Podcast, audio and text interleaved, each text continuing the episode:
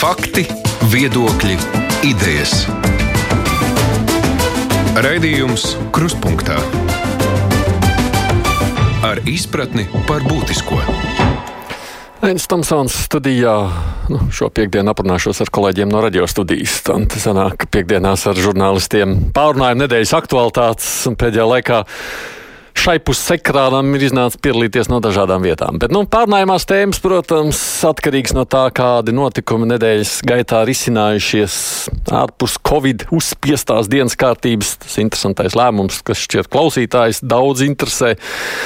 Priešot pēc šīs dienas brīvā mikrofona ir aizliegt tos zināmākos Krievijas televīzijas kanālus Latvijā. Par to vērts runāt. Ja ļau, laiks ļaus, es domāju, noteikti vērts būtu pieskarties arī šim Krievijas paziņojumam, ka ja būs jaunas sankcijas, tad viss saites ar Eiropas Savienību būs jāpārtrauc. Es domāju, nav vainīga lieta, un viss, kas ap to tālāk izvērsies, ir ļoti interesants. Bet droši vien arī sākumā jāparunā gan par naudas dalīšanu. O, šķiet, Tur ir sākusies vairāk solīšana, kā tur sadalīt to naudu sabiedrības dažādām mērķu grupām.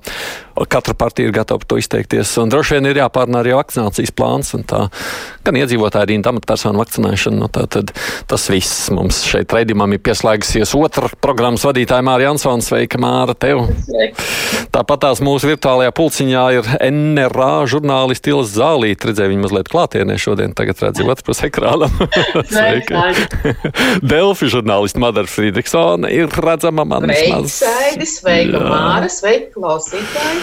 Un, un kolēģi. Un kolēģi, jā, Paulam arī raucepam jāsaka sveiki, viņš ir no žurnāla ir sveiks. Mēs sveiki, kolēģi. Sāksim vispirms par to naudas dalīšanu. Nu, zināmais stāsts, tātad Nacionāla apvienība ar saviem 500 eiro, kas, nu, sašūpoja sociālos tīklus un, kā zināms, koalīcijā raisīja sākotnējos to skepsi.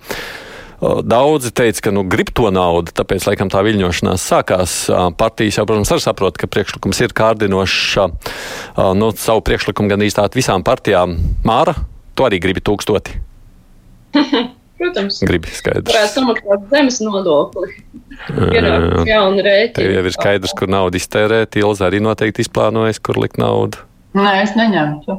Ko tu neņemtu naudu? Tu būtu viena no tām divām Latvijā, vai viena vienīgā, kas neņem? Nē, nē, es domāju, ka tādu būtu daudz. Jo žēl valsti. Nē, nav žēl valsti, žēl to skaistumu kopšanas uh, industrijas pārstāvi, to ēdināšanas un tā tālāk, kuriem tiešām šobrīd tas varētu būt izdzīvošanas jautājums. Uh, helikoptera nauda, tas ir, nu, manuprāt, vismarazmātiskākais, ko vispār valsts var piedāvāt, jo nevelti tas termins helikoptera nauda, tātad viņu izsvaida, izmētā bez mērķa, bez jebkādas idejas, vienkārši izmētā visiem.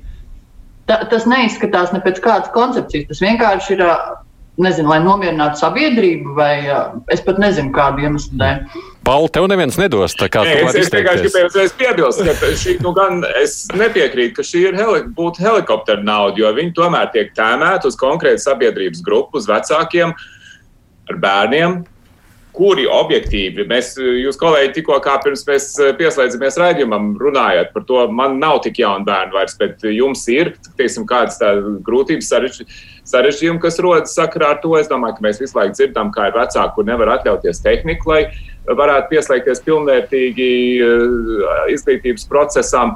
Un, ja mēs atzīstam, ka vispār šī sabiedrības grupa, tas nav visiem, Tas ir šai konkrētai sabiedrības grupai, kur ir objektīvi cietusi šajā laikā, kad tai vispār būtu jāpalīdz. Tad, tad ir jāizvēlas vai nu teiksim, ātri iedot visiem, vai meklēt kaut kādus to tā saucamos mērķētos maksājumus, bet mēs redzam, kā iet ar tiem. Jūs tu pat pieminēji ar skaistumkopšanas industriju un tā tālāk. Mūsu valsts pārvalde nespēja izstrādāt veiksmīgi šos mērķētos pabalstus. Ja? Un tad līdz ar to, ja mēs gribam, tad es domāju, ka tas, ir, tas būtu, šis būtu tas veids, kā to izdarīt, nemaz nerunājot par to, ka mēs arī zinām, ka kopumā valstī ģimenes ar bērniem ir grupa ar gandrīz vai visaugstāko nabadzības risku vispār Latvijā. Madara, tev ir iespējas ņemt vai neņemt tagad? Man ir iespējas ņemt vai neņemt. Nu, jāteic, tā, ka, kas attiecās uz uh, to visu tehniku, kas ir nepieciešama attālinātās mācīšanās procesam, tad to jau mēs visu esam nokārtojuši visai sen, visiem trim dēliem. Katram ir savā. Līzings vēl nav jāmaksā. Nē, nav līdzīgs jāmaksā. Jā, jā, jāteic, jāteic arī godīgi, ka lielie bērni, kuri jau ir pusauģi, patiesībā savai datortehnikai lielu daļu naudas nopelnījuši paši. Mm -hmm. Jā, vasarā strādājot, un tā bija viņiem tāda laba motivācija. Bet, kas attiecas uz, uz helikopteru naudu un visu pārējo, tā, tā pirmā lieta, es, mani, teiksim, tā, mani neizbrīna finanšu ministru. Viņam gan nav patiesībā, es neteiktu, ka viņam būtu kaut kāda ārprātīga noraidoša attieksme, kā mēs tagad, tagad jā, esam noskaidrojuši. Bet nu, tā dažu, dažu politiķu skepse mani īpaši nepārsteidz. Jau nu, atcerēsimies, mums pēdējos kaut kādus desmit gadus ir bijusi paradigma, ka mums ir jāmazina nevienlīdzība, jā, nu, līdz, nu, līdz pat līmenim, jā, ka tur uh, noteikti, un ir bijuši noteikti, teiksim, tiem pašiem bērnu piedzimšanas pabalstiem griezti, jā, ir tikušas diskutētas iespējas vispār nemaksāt ģimenes valsts pabalstu vecākiem, kuriem ir tie ienākumi tā kā drusku lielākie. Nu, principā, protams, ka pēc desmit gadiem paradigmas, ko tu esi pavadījis, ja ne rīkojoties, bet vismaz runājot par to, ka vajag mērķētāks, mērķētāks. Tā kā nabagiem vairāk dot, nevis visiem. Jā, nu, jā, jā. domas nu, ir, ir, ļoti, ir, ļoti, ir ļoti grūti atteikties no tās paradigmas un no tā ieraduma kā ieraduma. A, bet, tev, bet tev šķiet, ka jāatsakās? Ja?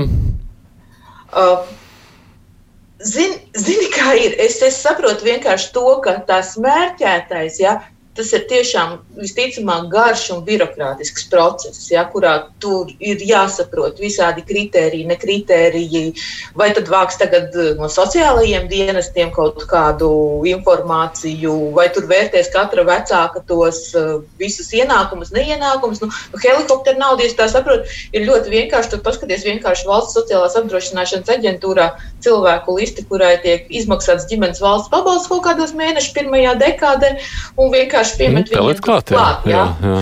Jā. Tad, kad tev ir jā, jāsāk izstrādāt modeļi, kaut kādi šitādi tādi vai ne, kaut kādi griezti nolikt, nenolikt. Jā, nu tas, tas, protams, ka visu to procesu, nu tad tā helikoptera nauda būs vasarā droši vien.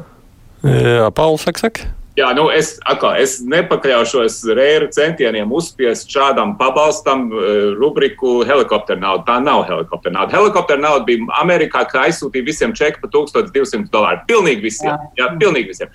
Tā ir helikopteru nauda. Ja iedod konkrētai grupai bērniem, tā, tās ir mērķēts pabalsts vienai sabiedrības grupai. Jā, bet tad, ir, tad, tad, ir, tad tas nākamais jautājums ir, protams, teiksim, vai ir tie papildus kritēriji.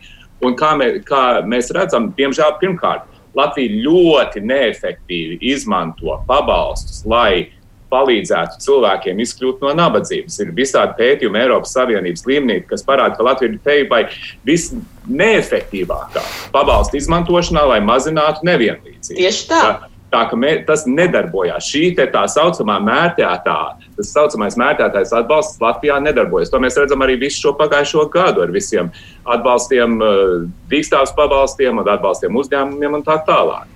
Savukārt, ir virkne pētījumu, kas rāda, ka tie, arī tie mērķētie pabalsti, tāpēc, ka viņi ir sarežģīti, visdrīzāk viņi atstumj vai neļauj piedalīties tieši tiem, kuriem tā, tā, tas atbalsts ir visvairāk vajadzīgs. Ir taisnība, jā, ka šādā gadījumā droši vien, ka saņems arī tāds, kuram pēdiņās nepienākās. Jā.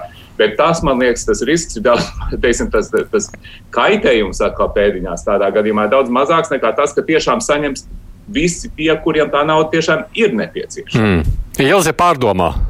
Tev tomēr Nē, jāņem. Es, ne, es eh, nepārdomāšu, un tas nav tāds, kā tas saka, nu, skaļš teksts es neņemtu. Ja? Vienkārši, manuprāt, ir tā, ka uh, ir taču pētījumi par to, kuri tad uh, cilvēku kategorijas ir visneaizsargātās tieši pandēmijas um, apstākļos, un tur arī ir pierādīts, ka tie tomēr ir sievietes, vientuļās māmiņas, par viņām runājam, tad es teiktu, protams, daudzas vientuļās māmiņas visticamāk strādā arī skaistumkopšanas biznesā. Ja? Tad vai tiešām viņām ar tiem 500 eiro pietiks? Jūs domājat, ka ja visām ģimenēm ar bērniem iedos 500 eiro un valsts izliksies, ka tagad mums nav problēma ar turisma industriju, ar skaistumkopšanas industriju, mēs taču jums iedavām. Bet sakiet, vai piemēram sieviete, nu, piemēram, sieviete kas strādā par frizieru, bet viņai nav bērni. Ja?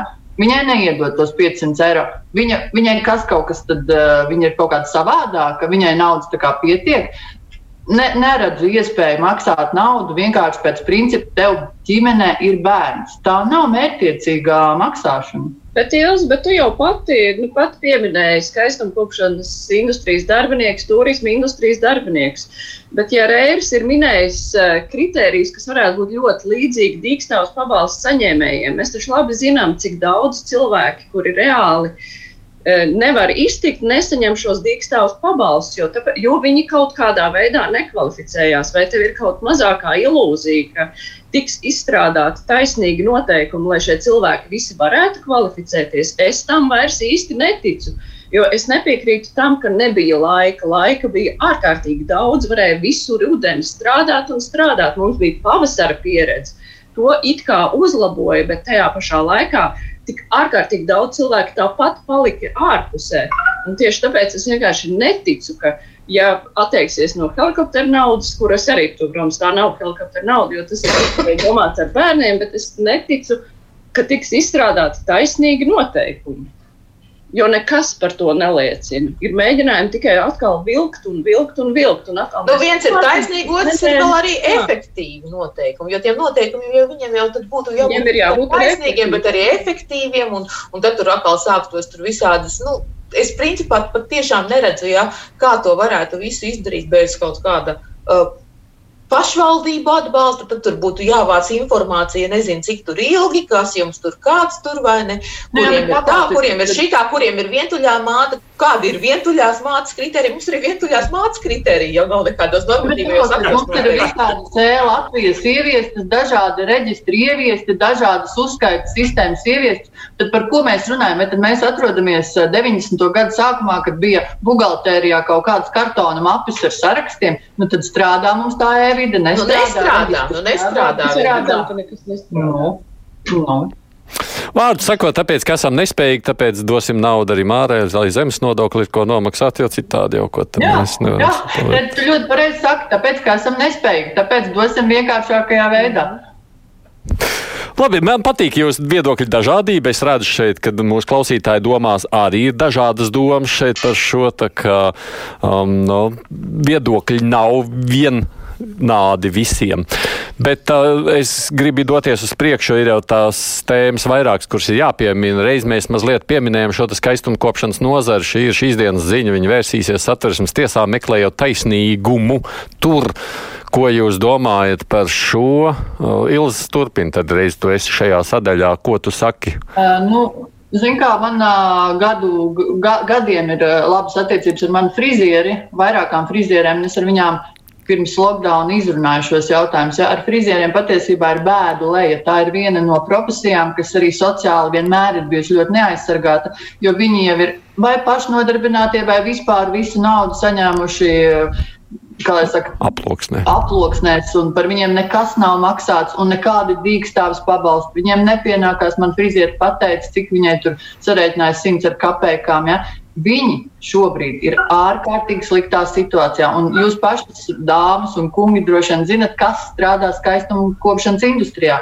Ļoti bieži vientuļās meitenes, vientuļās māmiņas, arī manikīri, frizieri. Viņi ir ārkārtīgi sliktā situācijā. Un tas, ka viņi tik ilgi ir gaidījuši to atbalstu no valsts. Un tas, ka viņi tik ilgi nav vērsušies satversmes tiesā, tas vēl vispār ir eh, bonus viņiem. Ja? Hmm. Pauli, ko tu saki? Jā, šeit varētu būt helikopters nauda. Es, es pilnīgi piekrītu, ka, teiksim, ka tas ir viens no iemesliem, kāpēc es atbalstu šo vienkāršo maksājumu visiem, tāpēc, ka pēdējā gada laikā Finanšu ministrija, Vītas valdība ir pierādījuši, ka viņi nespēja izstrādāt šīs sistēmas. Ja? Un tad viņi izdomā visādi šādas gājienas, ja teiksim, mēģina kasīt eh, labo ausa kreiso roku tā, lai saprastu, ka nu, tā, jums tagad ir jāpierāda tas un tas un tas un tas un tas. Un tad, protams, nākamā nedēļa kāds, kāds sāk ļaut, un tad, viss, tad mēs drusku pielabosim ar tiem dīkstāvus pabalstiem. Tā vispār bija, tas bija ārprāts pagājušo vasaru. Katru nedēļu vismaz reizi viņi tikās, lai labotu to sākumu sākotnējo sistēmu. Ja? Un beigās tā vai tā nevarēja viņu tā labot. Ja? Un, ta, un tas, ka nekas nenotika, ne jau Mārta teica, rudens, visu vasaru. Vai tad kāds domāja, ka neatgriezīsies tā slimība? Visu vasaru ierēģi gulēja tā vietā, lai padomātu, kā to izdarīt. Un, teiksim, kas man, uz mani atstāja lielu iespaidu, ir, ka pat Latvijas banka un fiskālās disciplīnas padome saka, ka valdība ir pārāk skopa šajos jautājumos. Ja, kad, kad ir vienkārši jāskatās, kā aizvietot ienākumus. Un, ja ir šīs grupas, kas ir objektīvi kaut kādā veidā grūtāk eh, saprast, nu, tad vienkārši pasakiet, tu labi, nu, iedosim jums tik uz šo laiku, šīs, šī ir krīzes situācija. Nu, tie, tiem, es saprotu, ka skaistumkošanas, es nezinu, nu, es domāju, tas ir ir arī citas jomas, kas ir noteikti smagas kārtas un kur cilvēki cieši. Bet um, teiksim, visiem ir svarīgi, kā viņi izskatās televīzijas ekrānos ministriem. Tāpēc šo jomu viņi ir sevišķi saprot. Bet, nu, tur, protams, ir patentu maksas, jā, un tā tālāk. Nu, tā, tas ir viss ļoti sarežģīti. Bet bija taču tik daudz laika. Un to, to saucamā pēdiņās reira komisija izveidoja tikai novembrī, ja viņi atkal sāka domāt. Nu, kas tas tāds ir? Madara, bet vai satversmes tiesa varētu būt tas risinājums, kas tur kaut kaut kā palīdz? Uh, nu, principā ir droši vien tās pamats uh, bažām, ka līdz tam brīdim, kamēr tās atvērsmes tiesa uh, vispār nu, izvērtēs, vai šo, šī lieta ir pieņemama, kamēr tur viss tas process ies, ka droši vien ka jau būs kaut kādas lietas pamainījušās. Uh, nu, es domāju, tādā regulējuma ziņā, jo, jo Tā kā cik ir nākušas pēdējās nedēļās ziņas no ekonomikas ministrijas, kaut kas jau tiek strādāts, kā, lai, lai atvērtu, lai atvieglotu šos ten. Bet, bet varbūt patiesībā ir, šis ir tas veids, nu, nu, saucam to arī par helikopteru naudu. Nu, ja, tā, tā, ja tu esi speciālists, ja tu esi manikīrs, frizieris, kosmetologs, un tev šī darba, nu, nu uzgāžam viņiem to helikopteru naudu. Nevis tur, kā saka, skatāmies, tur, cik tev tur tajā patentā nomaksāts vai kā, nu, bet pasakam, lūdzu, jums turpmākos mēnešus vai ne? Starp citu, frizieri ir mazāk varbūt pat nekā to bērnu. Ja? Katru mēnesi mēs tev tos 300 noteikti, vai 400 jā. ieskaitām, lai tu vari izdzīvot līdz tam brīdim, kamēr tā valsts tev ļaus strādāt. Atļaus, atkal, strādāt. atļaus strādāt, atļaus pelnīt naudu. Vienīgais, ko es gan gribētu piebilst, kas arī ir nu, no, varētu teikt, no manām privātajām sarunām ar skaistumu kopšanas speciālistiem, patiesībā ir tā situācija ir tāda ļoti dīvaina. Tādā ziņā, ja, ka pavasarī arī jā, viņiem bija šī faktiskā dīkstāve, bet tā dīkstāve jau veidojās tāpēc, ka klienti nenāca, ka klienti baidījās. Jā. Mm, kas, arī, kas arī ir svarīgs aspekts, ko tu nevari ignorēt. Jā, jā. jā. Man viena replika, ja es dzīvoju pilsētas centrā un šeit ļoti daudz apkārt frizētavu. Ziniet, ko es esmu pamanījusi tieši pēdējā mēneša laikā? Ļoti daudzām frizētavām ir parādījušies pilnie skatloga aizslietņi. Ir aiztaisīts pilnīgi viss ciet, gan durvis, gan logi. Kā jūs domājat, kāpēc? nu, kaut kā jau jādzīvo taisnība jā. ir, ja nav cita ceļa. Tā varētu būt Māra saki.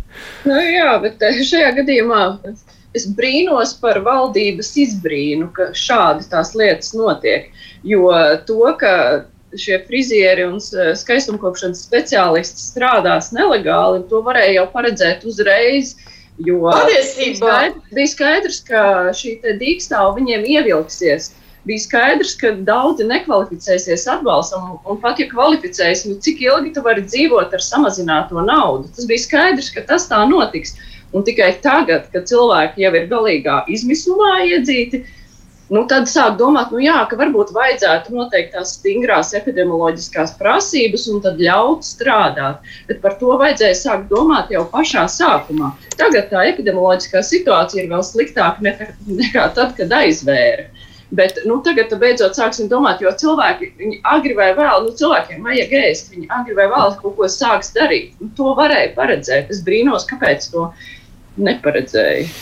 Jā, starp citu, pavasarī viens no argumentiem, kāpēc neslēdza šo skaistumkopšanas nozari, bija tieši tāds, ka tad tie cilvēki darbosies eh, pelēkajā zonā. Tieši šāds arguments arī skanēja. Nē, mēs nevaram aizvērt frizētavas, manikīrus, pedikīrus, ko neko, jo cilvēki strādās eh, pelēkajā zonā. Nu, tad, tad, tad, kā saka, pēkšņi pārsteigums. Igaunijā patreiz uz, uz, uz šodienu, uz vakardienu kumulatīvais divu nedēļu saslimstības rādītājs ir faktiski identisks kā Latvijā. Igaunijā ir vaļā teātri, viņiem ir vaļā skolas, viņiem ir vaļā peldbaseini, viņiem ir vaļā skaistumkopšanas industrija. Tātad mums viss ir ciet, mums ir 550 Igauniem viss ir vaļā, viņiem ir 550. Lai gan viņiem tā līnija ir augošāka šobrīd nekā Latvijā. Es gribētu piebilst, ka es domāju, ka tas nu būt, nebūtu nav arguments, ka mums vajadzētu atvērt, jo tas līmenis ir par augstu.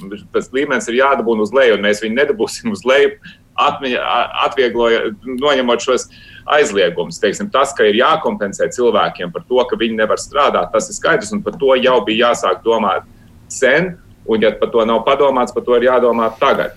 Bet eh, katrā ziņā 500 un cik tur eh, saslimstība mm. ir daudz par augstu, un mums viņi ir jādabūna uz leju. Es klausījos tikko pirms, kamēr bija ziņas, šodien vienos teica, jau Igaunijas rādītājs praktiski ir saslimušo tikpat cik Latvijā, un zinot viņa iedzīvotāju skaitu, nu viņiem tas rādītājs šobrīd pat sāk straujāk iet uz augšu vēl nekā mums, kas nav lāga ziņa, protams. Situācija Lietuvā paliek laba. Man te klausītājs tikai jūras iesaka, ka nu, Latvijas raidījuma žurnālistiem ir jāsagatavo raidījums ar tiem, kas saņem, nesaņem to pabalstus. Viņš klausās regulāri radio un nav dzirdējis tieši to. Iespējams, ka mums šim tematam arī kā žurnālistiem droši vien ir jāpievērš lielāka uzmanība. Vēl pabeidzot šo Covid tēmu, jo es gribu tomēr Krievijai un uh, Krievijas kanāliem Latvijā vēl pievērst uzmanību. Ir tas stāsts savukārt par vakcināciju un uh, uh, gan rindu, gan arī par tām amatpersonām, kas uh, nu, arī ir protams, tiek apspriests. Par rindu vispirms runājot, Pauli, tu esi pieteicies, tur pie 100 tūkstoši ir. Jā, tas, tu esi tajā jā, skaitā, jā. Es, Visi jūs skatāt? Pirmajā dienā, protams, netiku klāts, jo tur bija, bet uh, pa nedēļas nogalu tur nebija grūti. Es vis, visi, kam ir, uh, kad ir tās prasmes un internetbanka mūsu manā ģimenē pieteicās, un tagad gaidām iespēju piezvanīt un sievas māte pieteikt pa telefonu. Bet jā. es saprotu, ka tur mēnešu laikā varēja pieteikties, un tad būs izloze, ja kaut kas tāds. Nu, ja, ja es pareizi saprotu, viss, kas februārī arī pieteiksies, piedalīsies loterijā. Jā, jā, es vēl neesmu pieteicies. Es vēl neesmu tik, kurš, nu, kurš vēl loterijā? Nav vairs tādas, nu kā mēs jau pirms tam runājām, tādas nabadzības, tad mēs lozēsim savas vakcīnas. Ja? Jā. Kurš pirmais, kurš pēdējais? Patiesībā traģikomiski, ja tas nebūtu tik skumīgi, tas būtu ļoti smieklīgi. Ja? Tu, tu arī neesi pieteicies. Nu, es, es vienkārši varu pateikt, ka es, es, es, es, oh. es drīkst piebilst, ja, tā kā man dzīvo Rada Amerikā un es zinu, uh, Mana māsa sēdēja līdz trijiem no rīta, jeb diviem no rīta, un mēģināja atrast vietu, kur mans vecāks pieregistrēt. Es nezinu, vai tas tā ir labāka sistēma, un ne, ne jau kurš katrs tur var atrast vispār tajā. tajā. ASV, jā. Es, es domāju, ka šis te ka ir ka pieregistrējies, un tad kaut kādā laika logā tu iedaries un, teiksim, tev vienkārši pasaka, man liekas, ka tas tomēr ir efektīvi. Tad droši vien televīzijas ekrāna priekšā griezīs laimes ratu un vilks ārā. Nu, nē, nu, kā, nu, beidz, nē, nu, labi, es jokoju, protams, jā, bet kaut kādā veidā taču viņi to loz. Es atvainojos, nevajag visu to trivializēt. Nu, tomēr es domāju, ka ir, tur kaut kādai sistēmai ir jābūt, un, un ja būtu tā, ka tas, ka tas ir viss, kas pirmais piesakās, tas eh, arī pirmais ir rindā, nu, tad atkal. Nu, neviens netika vispār klāt. Nu, šis, šī, šī ir atstrādāta sistēma. Nu, ne, varbūt tas, tas nozīmīgums ziņā ir mazāk. Nav gluži adekvāti, bet, eh, ja, ja mēģina dabūt biļeti uz kaut kādu ļoti populāru roka koncertu, ir tieši tas pats, ja tu piedalies kaut kādā loterijā un daži dabū. Nu, nezinu, es domāju, ka tas tomēr ir.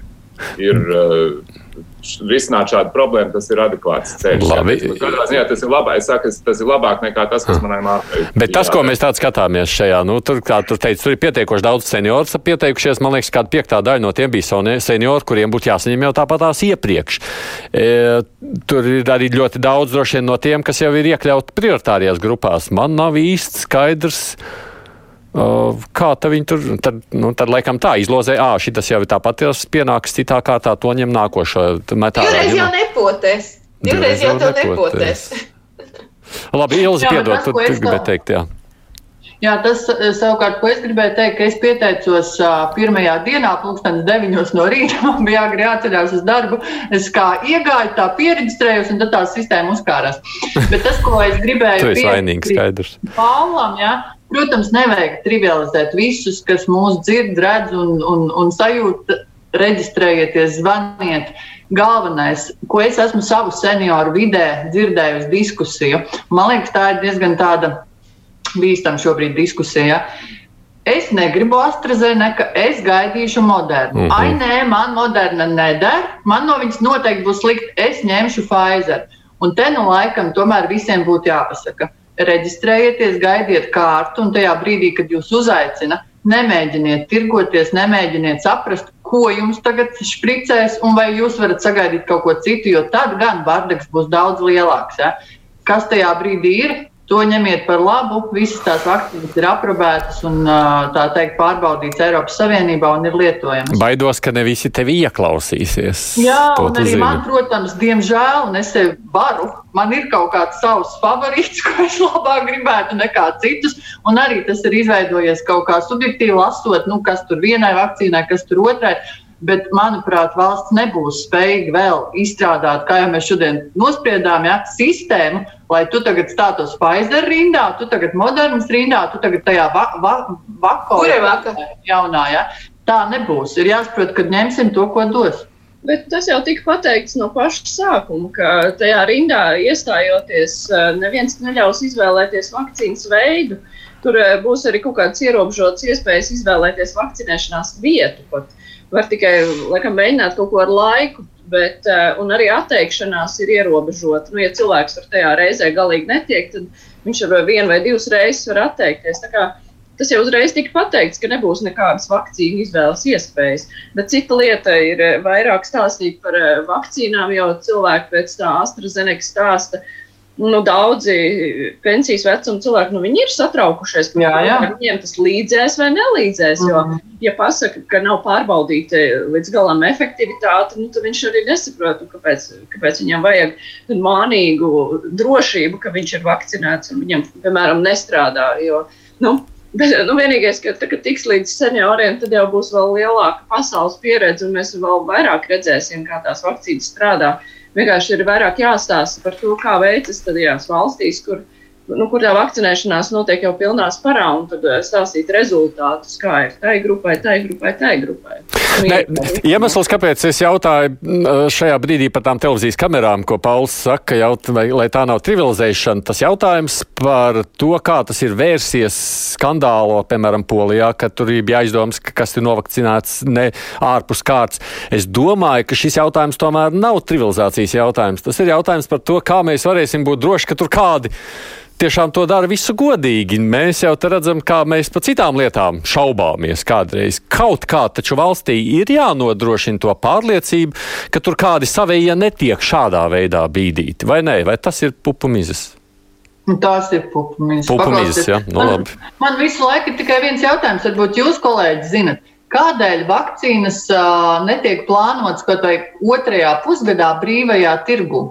Kādēļ, piemēram, nu, labi, baidamies no pakaļdarinājumiem, labi, a, a, akceptējam valstī, ka, es nezinu, tagad veselības centrā četri vakcinācijas kabinetā droši nezinu, simts vai miljonus vai tūkstots eiro, kurš grib, var atļauties, izvēlās iepoties. Kādēļ šādu neesmu dzirdējis diskusiju nekur? Tāpēc, ka laikam jau nebūs ko ielaist brīvajā tirgu joprojām, jo nebūs jau vēl to vakcīnu. Tad jau, kad viņas būs tā, ka varēs atļauties brīvo tirgu, tad jau es pieļauju, ka tās būs, bet Madara netika pie vārda par vakcinācijas rindām.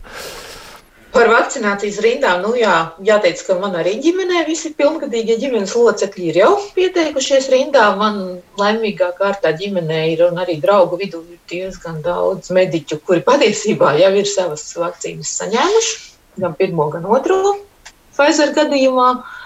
Un, uh, jautājums par tām amatpersonām, nu jā, tas jautājums ir, kā saka, ļoti tāds. Um, jo, ja es pareizi saprotu, tas vakcīnas tā viena lieta, ko ir uzticama, lai gan nu, mēs zinām arī, ka nu, visās valstīs, jā, nezinu, Baidens ir sapotējies, Kamala Hāris ir sapotējusies, Maiks Pence, bijušais viceprezidents, visi viņi ir tur publiski sapotējušies līdz ar vēl veselu pulku senioru, Arnoldu Švarcnegeru, jā, bijušo Kalifornijas gubernatoru, ne tikai bijušo terminatoru.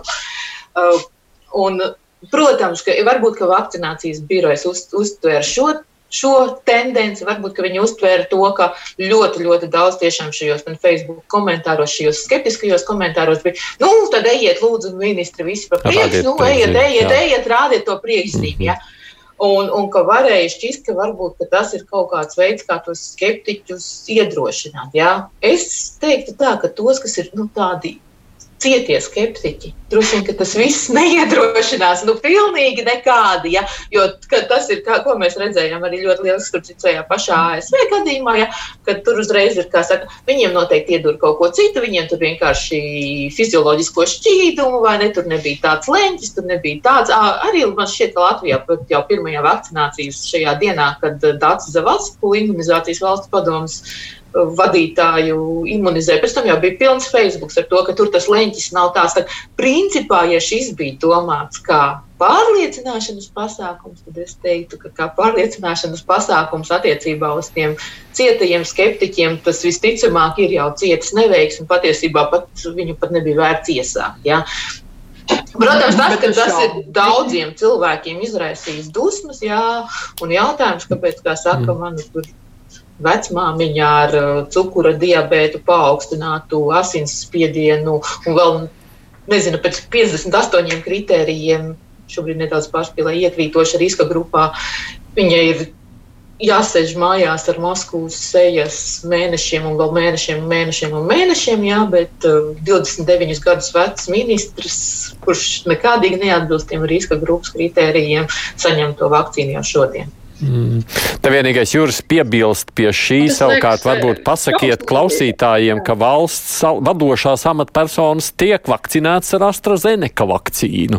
Jā, turklāt ar sabojāto, kā daudzi runāja, ar to nepareizo temperatūru. Tas gan Bet tā var teikt, ka tā nav sabojāta. Tur jau tās bažas ļoti ātri tika kliedētas, bet man tas liekas briesmīgs šis stāsts par amatpersonu vakcinēšanu.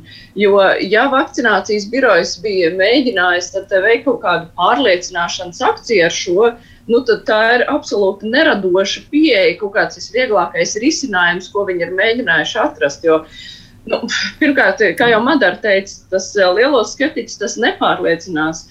Otrakārt, šajā vakcīnu trūkuma brīdī, kad vakcīna trūkst, tā vienkārši izskatās kā līšana pa priekšu. Tas atstāja ļoti sliktu iespaidu.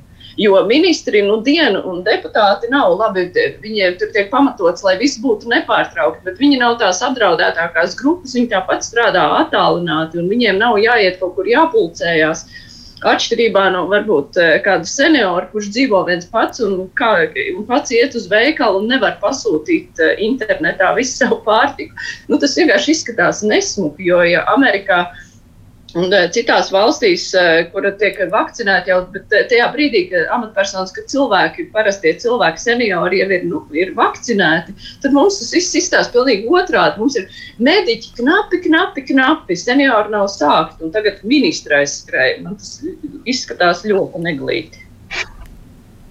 Jā, ja es drīkst piebilst, man arī šķiet, ka, teiksim, ka tur, piemēram, es, es domāju, ka bija labi, ka Vairvīta Freiberga publiski vakcinējās. Jo mm. viņa ir tiešām riska grupa, un viņai, nu, tas, viņa ir atpazīstama persona, un viņa arī, protams, tos cietos skeptiķus nepārliecinās, bet daudz šaubīgos viņa varētu pozitīvi ietekmēt. Tas ir ļoti labi. Viņi ir līdzi ar savu riska grupu, viņi vakcinējas, un tas notiek publiski. Bet tas, ka cilvēki, kas nav riska grupā, it kā tiek nolikt rindas tajā priekšgalā, es arī piekrītu, ka tas neizskatās labi. Tieši tā, tāpēc, ka, ko tad tu iedrošinās? Ja es jau labprāt ietu, bet vienkārši tās vakcīnas nav. Mm. Nu, ne, beidzam šo stāstu. Mums ir vēl minūtes 20, lai parunātu par. O, mazliet ārpus no Latvijas notikumiem skatīšos, cik daudz paspēsim arī par Latviju vēl parunāt, bet es domāju, mēs ar Krieviju turpinām. Es tikai atgādinu šeit, ka mums ir četri mani kolēģi, Pauls Rauceps no žurnāla ir, Madara Friedrichsona no Delfiem, Ilza Zālīt no NRA un Mārija Ansvanta pat Latvijas radio. Raidījums Krustpunktā. Krievija gatava saraut attiecības ar Eiropas Savienību. Un tas jautājums, protams, kā uz to vajadzētu reaģēt, ja gadījumā tiks ieviestas kādas sankcijas. Pauli, kā uz šo vajag reaģēt tagad? Nu, es domāju, ka šī ir Krievijas tāds mazs uzvar, uzvaras dēļ uz Borelas sejas pēc tam, kad mm -hmm. viņš mhm. aizbrauca uz Maskavu, ļāva sev pazemot, un viņi jau, ah, nu redz, kādi viņi tie ir tādi mīkstie, nu, tā mēs tā kārtīgi viņiem, ja jau viņš ir tā te, mēs viņus pazemojām tur klātienē, tagad mēs viņiem vēl uzbrauksim no attāluma, nu, viņi tādi bailīgi, gan jau viņi tur pakļausies. Es, es to tulkoja tīri tā, nu kādas viņi tur attiecības pāraus. Nu, tas ir vienkārši atkal. Viņi, eh, protams, viņi cer, ka viņi var ietekmēt lēmumu par iespējamām jaunām sankcijām. viņi redz, ka Eiropā ir cilvēki, kas ir gatavi viņu priekšā noklāties, nu, un tad viņi vienkārši spiež. Nu, tas ir tas, tā, kā mēs. Mums tā nav jāstāsta, ka Krievija respektē tikai spēku, un, nu, ja viņi redz vājumu, tad viņi to izmanto. Nu, un Māri, kā tev šķiet, izdosies uzspiest šādi?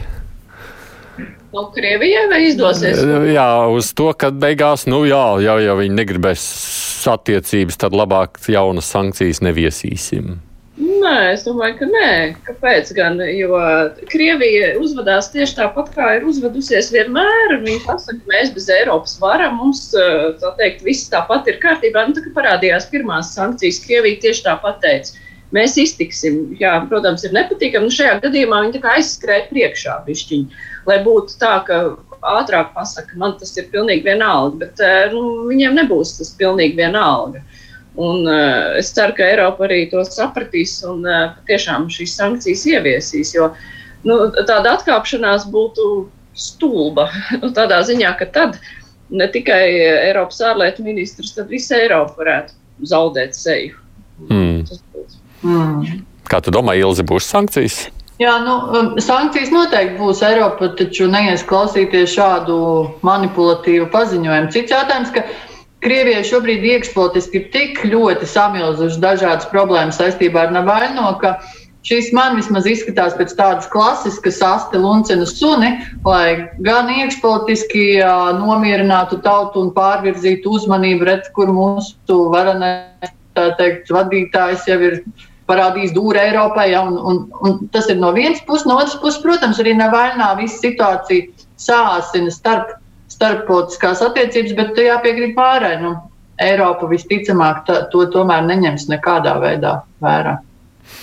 Kādas tad tās ir? Jā, nav jau nekāda iemesla ņemt, jā, jo principā jau, kā mēs zinām, visa šī attiecību saraušana no Krievijas puses vai viņu saucamās kontrasankcijas, viņas jau, nu, ja būsim godīgi, viņas jau pirmām kārtām vienmēr sit pa viņu cilvēkiem. Jā, ko nevarētu teikt par Eiropas sankcijām, kuras līdz šim nav par tādu vienkāršo Krievu cilvēku kaut kur uh, Murmanskā ļoti situšas. Bet kādas tu redzi, Madara, kādas vispār veidojās vai veidosies tālāk attiecības starp Krieviju un Eiropas Savienību? Nu, tur jau jāsaprot pirmām kārtām, kā viņiem viss iekšpolitiski šis uh, veidosies, jā, jo atcerēsimies, viņiem patiesībā arī nav pārāk tālu līdz viņu parlamenta vēlēšanām. Un, un, un tas, protams, ir viens no iemesliem, kāpēc tur varbūt skaļi paziņojumi, dūru vicināšana, kaut kādi attiecību saraušana, tā jau ir tāda arī pozēšana, jā, pirms parlamenta vēlēšanām, kuras nebūtu vairs nav tik tālu. Faktiski viņi šobrīd ir vēlēšanu gadā. Viņiem ir visiem arī sākušās vēlēšanu kampaņas. Tajā pašā laikā nav sajūta, ka viņiem iekšpolitiski kaut kas ļoti tur bruktu, draudētu vai tam līdzīgi. Protesti bija ļoti minimāli, un tas tieši šie paši ļoti ātri tika apturēti. Uh, tur... Bet tajā pašā laikā, piedod, ka es tev pārtraucu, eh, kā varas iestādes eh, vēršas pret cilvēkiem, eh, tīri individuāli, tomēr parāda, ka viņi baidās no šiem pašiem cilvēkiem, kas man arī dara uzmanīgu. Šodien Vladikaukāzā bija sprādziens supermarketā Un, protams, ir teorijas, ka to varbūt arī varas iestādes ir sarīkojušas, teikt, lai varētu vēl trakāk piegriezt skrūvītes. Bet nu, tās ir tādas versijas, sazērstības, to neko pierādīt nevar. Bet, ja kurā gadījumā šādi gadījumi būs iemesls, kāpēc, uh, kāpēc uh, notiks vēl stingrāka vēršanās pret cilvēkiem, jo bija ziņa arī par to, kā Krievijā uh, 14-gadīgi pusauģi tika aizturēti par to, ka viņi Minecraftā ir no. uztaisījuši PSB ēku, no Federālā drošības dienesta ēku un gribējuši uzspridzināt, bet viņus grib tiesāt par terorismu, kas ir eh, drausmīgi, jo pirmkārt runa ir par bērniem. Un, eh, un tas tikai parāda, cik ļoti, eh, cik ārkārtīgi viņi tomēr baidās no cilvēkiem, kuri jā, varbūt viņi šajā augstumā kaut kur neiet ārā, bet viņi grib piegriezt jau laicīgi skrūvītes. Nu, tas, ka viņi baidās un piegriež, ir skaidrs. Tas, ka tur kļūst ļoti, nu, teiksim tā, strikti. To jau redz kaut vai pēdējās ziņas. Tur tā tad paredzēts sestdien vai svētdien. Svētdien, laikam, jā, tā Volkova aicinātā akcija ar, ar lampiņām. Un jau jā. par lampiņu spīdināšanu jau šobrīd jau tiek spriests, ka tūlītās tiks noteikts nu, krimināla atbildība. Tātad Krievijā arī lampiņu tu nevarēsi uzspīdināt savā telefonā, bet tas nozīmē, ka. Uh, bet, uh, bet šķiet, ka viņiem nu, tauta tiešām nav ga gatava. Nu, viņi ir pietiekoši iebaidīti, lai neliktos, ka tur būtu briestu revolūcija šobrīd. Bet, zin, kā visas revolūcijas vienmēr ir bijušas pēdējā piliena jautājums. Ja? Tas trauks nevar būt pilns uzreiz. Viņš pil, viņš pildās, un kaut kādā brīdī tas trauks būs pilns. Ja? Iespējams, šobrīd varbūt nē, bet. Nu, man pagaidām izstāsta pēc trešdaļas tikai dara. vēl. Nu, jāpiekrīt Mārai, ja uh, Krievija piegriež skrūves aizvien vairāk, ja, un tajā brīdī, kad tās skrūves tiks piegrieztas jau par stingru, tad tur kaut kas lūzīs. Jautājums, vai tas būs šogad vai pēc pieciem gadiem?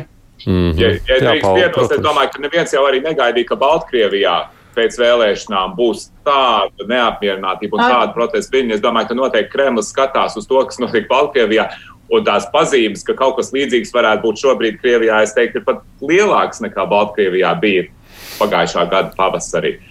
Un tā problēma Putina režīmam, režīmam šobrīd ir, ka pretstatā iepriekšējiem laikiem viņiem vairs nav cilvēkiem, ko piedāvāt. 2000. gada sākumā Putins solīja kārtību, pēc tam naftas cenas cēlās, viņš solīja viņiem labklājību, Tad viņš solīja, paņēma Krimu un solīja viņiem atkal lielo ģeržāvu, ja, bet viņam vairs nav piedāvājumu. Ne viņš var solīt kārtību, ne viņš var solīt naudu.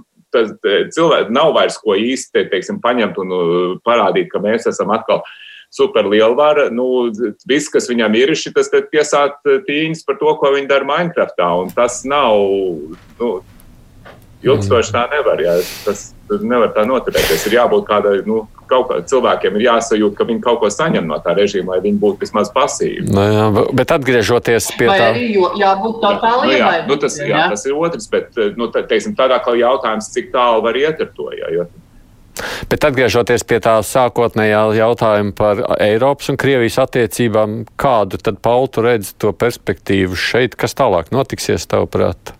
Nē, nu, es domāju, būs papildus sankcijas. Nu, es domāju, sevišķi pēc tā uh, Borela pazemošanas, nu, man liekas, ka tur vienkārši tur būtu jābūt uh, drausmīgi zemai pašcieņai, lai Eiropa, Eiropa vispār neko neizdarītu. Un es domāju, ka viņi kaut ko izdarīs. Tas varbūt pat uh, būt, būs kā bumerāns Kremlim. Nu, teiksim, cik tas Jā.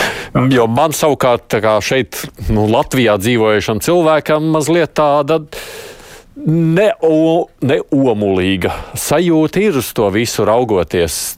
Pieaugušo spriedzi pašā Krievijā, un tur taisnība, nu, tur, ja vēl pirms gadiem pāris, es domāju, es labprāt tur aizbraukt, tagad es sāku domāt, ja man tur būtu, es nezinu, vai es būtu gatavs vai es tur braukt. Nu, plus vēl tas, kā veidosies šīs savstarpējās attiecības. Tas nu, tāds labs jau tās priekš, nu, sajūtas nav priekšvēstneša sajūtas tālākiem notikumiem. Atgriežoties savukārt pie Latvijas tajā kontekstā par Krievijas kanāliem televīzijas. Mums praktiski viss brīvais mikrofons aizgāja. Cilvēku domu dalīšanās par to, vajag ļaut mums skatīties Krievijas galkinu vai nevajag. Es, nu, mums būs diskusija pašiem nākošajā nedēļā. Es arī sacīju, tad mēs droši vien izvērtēsim visus tos par un pret, bet skatoties uz visu šo te uh, viļņošanos, ko jūs domājat par šo kanālu slēgšanu, Madara? Ko tu saki par šo? Nē, es, es domāju, ka ir šis ļoti labs brīvs ļoti labi, ka šis brīvais mikrofons šodien bija tieši tāds, kā viņš bija.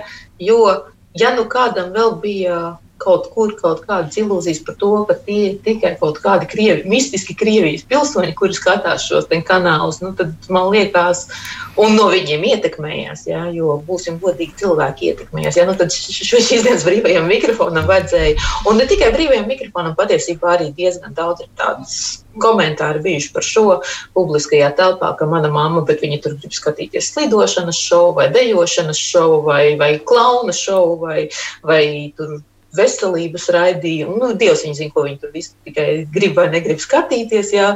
Nu, tas ir, un, un kur principā nav nekāda, tiešām ne, nav runa par Krievijas. Tas ļoti labi parādīja patiesībā to, cik spēcīgi šie kanāli ir tajā mūsu prātā, mūsu informatīvajā vidē bijuši. Jautājums, protams, ir man liels par to visu retranslāciju un uh, Nacionālo elektronisko plašsaziņas līdzekļu padomi, vai mēs dzīvojam tajā ilūzijā, ka mūsdienu tehnoloģiju laikmetā tu izņemot no kaut kādas tēta pakas vai aizliedzot kaut kādam cilvēkam vai uzņēmumam vai sijai, lai kur viņi būtu reģistrēta kaut ko translēt un retranslēt, principā izslēdz šos ten uh, kanālus no pieejamības. Jo, manuprāt, ka mūsdienu tehnoloģijas... Jā, nu internetā ļauj... tu neko nevar, jā, tad jau ir pietiekoši nu, daudz tā, nu- aplikācijas, nu... kurās skaties uz vesels kā, nu, kā grib. Tieši tā, jā, un kā saka, un varbūt šī arī vecākā paudze, vai kura nu tā ir paudze, kas ir šo regulāri visu patērējis, un viņi pat tiešām ietekmējās. Ja nav tā, es pat esmu cilvēkiem runājot, to jau gadiem ilgi secinājis, ka it kā šis cilvēks, jā, viņš tur skatās kaut kādu galu boju agaņoku, tāpēc, ka viņš tur ir pieredzējis skatīties, bet patiesībā cilvēki ļoti ietekmējās arī no. Viņi patiesībā kaut kā pierāja klāt arī tās propagandas ziņas, un patiesībā cilvēki ļoti, ļoti ietekmējās no tā. Bet ir jāsaprot to, ka pat ja tā ir kaut kāda vecākā paudze, ja viņi gribēs šos kanālus skatīties, nu, tad es atvainojos, ja viņi nevarēs viņus televizorā, ir, es domāju, ļoti, ļoti šobrīd liels risks, ka viņi atradīs veidu, kā apiet šos ierobežojumus. Ilze. Jā, es gribēju piebilst šajā sakrā divas lietas. Ir jāsaprot, ka cilvēki, kas ir 50 plus vai 60 plus, ja, viņi ir padomju laikos dzīvojuši, viņi zina krievu valodu, un viņi visticamāk ļoti švaki vai nemaz nezina angļu valodu. Tas nozīmē, ka viņi ir pieraduši skatīties Krievijas televīzijas piedāvājumu, tostarp tāpēc, ka angļu valodā viņi neskatās.